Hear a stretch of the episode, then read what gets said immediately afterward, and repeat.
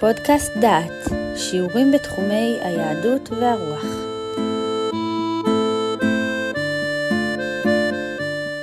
ברוכים הבאים לפודקאסט דעת לקורס ירמיהו ותקופתו. הגענו לפרק מ"ז של ספר ירמיהו, והנושא שנעסוק בו היום הוא מי היו הפלישתים. פרק מ"ז בירמיהו הינו נבואה קצרה לפלישתים, בטרם יכה פרעה את עזה. הימים הם ימי שלהי בית המקדש הראשון. פרעה נכו עולה למלחמה על נהר פרת, והוא מוכה בקרב הרכמיש. בשנה הרביעית ליהויקים, היא השנה השמונה עשרה לפני חורבן בית המקדש. בדרכו לצפון, או בבואו מן הקרב מוכה ומובס, הוא מכה את פלישתים. ירמיהו מתאר את הקרב ואת מכתם של הפלישתים. הנה מים עולים מצפון, והיו לנחל שוטף, וישטפו ארץ ומלואה, עיר ויושבי בה, וזעקו האדם והליל כל יושב הארץ. כיבוש עזה בידי מצרים ואחר כך בידי בבל היו סוף תקופת הפלישתים. לאחר מכן אין עליהם ידיעות רבות, והם יורדים מבמת ההיסטוריה. רק שמם נשאר, והשימוש בשם פלשת, או בגלגולה המודרני פלסטין, היה הדרך בה רצו לנתק את שם ארץ ישראל מארצו. מי היו הפלישתים, מאין באו וכיצד חיו? מוצאם של הפלישתים אינו ברור. במקרא נאמר כי באו מכפתור. תבליטים של פלישתים מצויים בשרידים מצריים. המבנה הארגוני של הפלישתים ידוע רק מן המקרא, המתאר את ברית חמשת ערי פלישתים.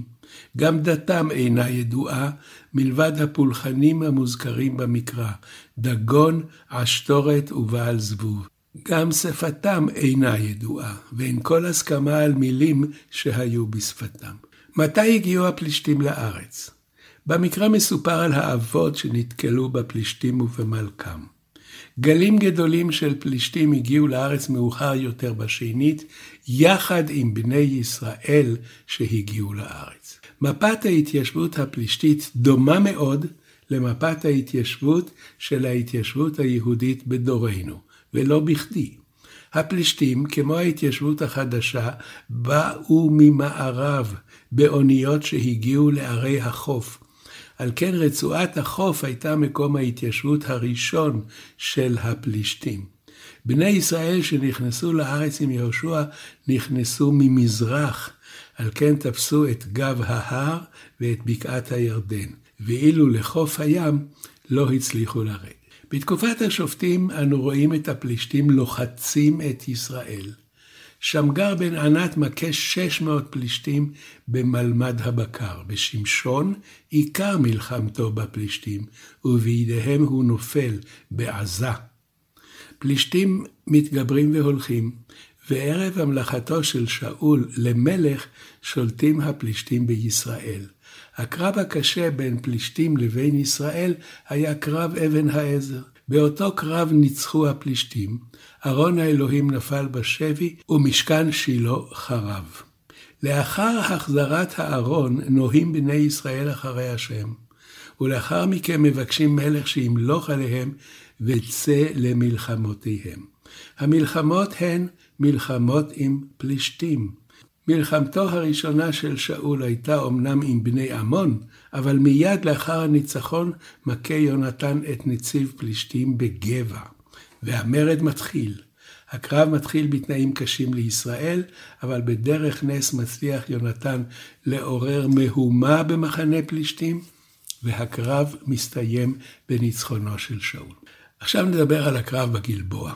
לאחר המפלות במכמש ובעמק האלה, בחרו הפלישתים בעמק יזרעאל את מקום המערכה המכרעת, והיא שהייתה גם מלחמתו האחרונה של המלך הראשון בישראל. הפלישתים קיבצו את מחניהם באפק, וממנה עלו דרך עמק מגידו עד מקום חנייתם בשונם, כשמונה קילומטר מצפון מערב למחנה שאול שבעין חרוד. בתחתיתו הצפונית של הגלבוע. הם ניתקו את צבא שאול משבטי הצפון, שיכלו לבוא לעזרתו, ובכך הכריעו את גורל המלחמה עוד לפני שהתחילה. המלחמה כבדה על שאול, גם בגלל מצבו הנפשי המעונה על ידי רוח רעה, מפחד הסכנות האמיתיות או המדומות האורבות לו בתוך ממלכתו. המהלומות הכבדות שהנחיתו הפלישתים על ראש צבאו, והרדיפה הבלתי פוסקת אחרי צבא ישראל הנסוג, הפכו את התבוסה במלחמה לשואה. שאול, בניו וגיבוריו נפלו חללים בהר הגלבוע.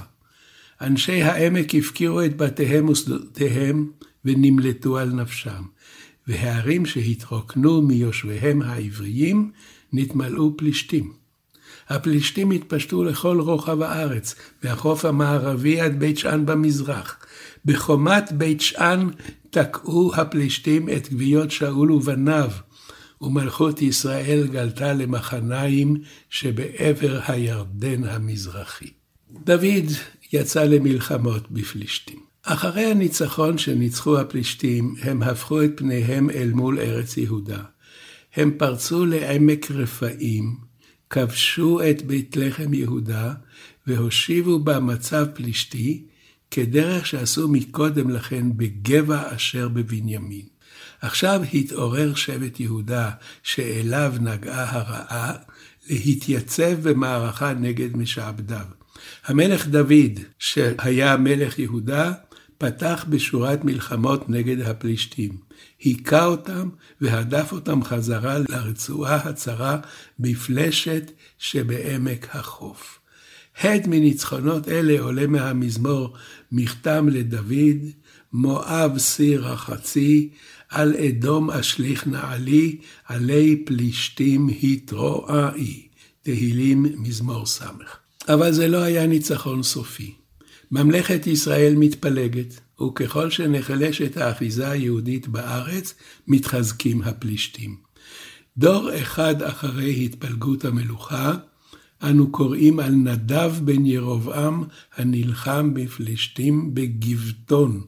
עוזיהו מלך יהודה מצליח להכות בפלישתים, והוא פרץ את חומת גת ואת חומת יבנה ואת חומת אשדוד, ובנה שם ערים להתיישבות יהודית. ושוב עובר דור, ובימי אחז בנו משתלטים הפלישתים על בית שמש ואיילון והאזורים שסביבותיהם. עלייתן של האימפריה האשורית והבבלית הביאה תחת שלטונם את ערי פלישתים, כשם שכבשה את ערי יהודה. הפלישתים זוכים לעצמאות חלקית לעתים. הם מעלים מיסים, מורדים מפעם לפעם, ובסופו של דבר נחלשים ויורדים מבמת ההיסטוריה. כפי שאמרנו, רק ירושה אחת הורישו לנו, את שמם. פלישתים, הלא זה אביו מולידו של השם פלסטין, המתעלם מן השם ארץ ישראל.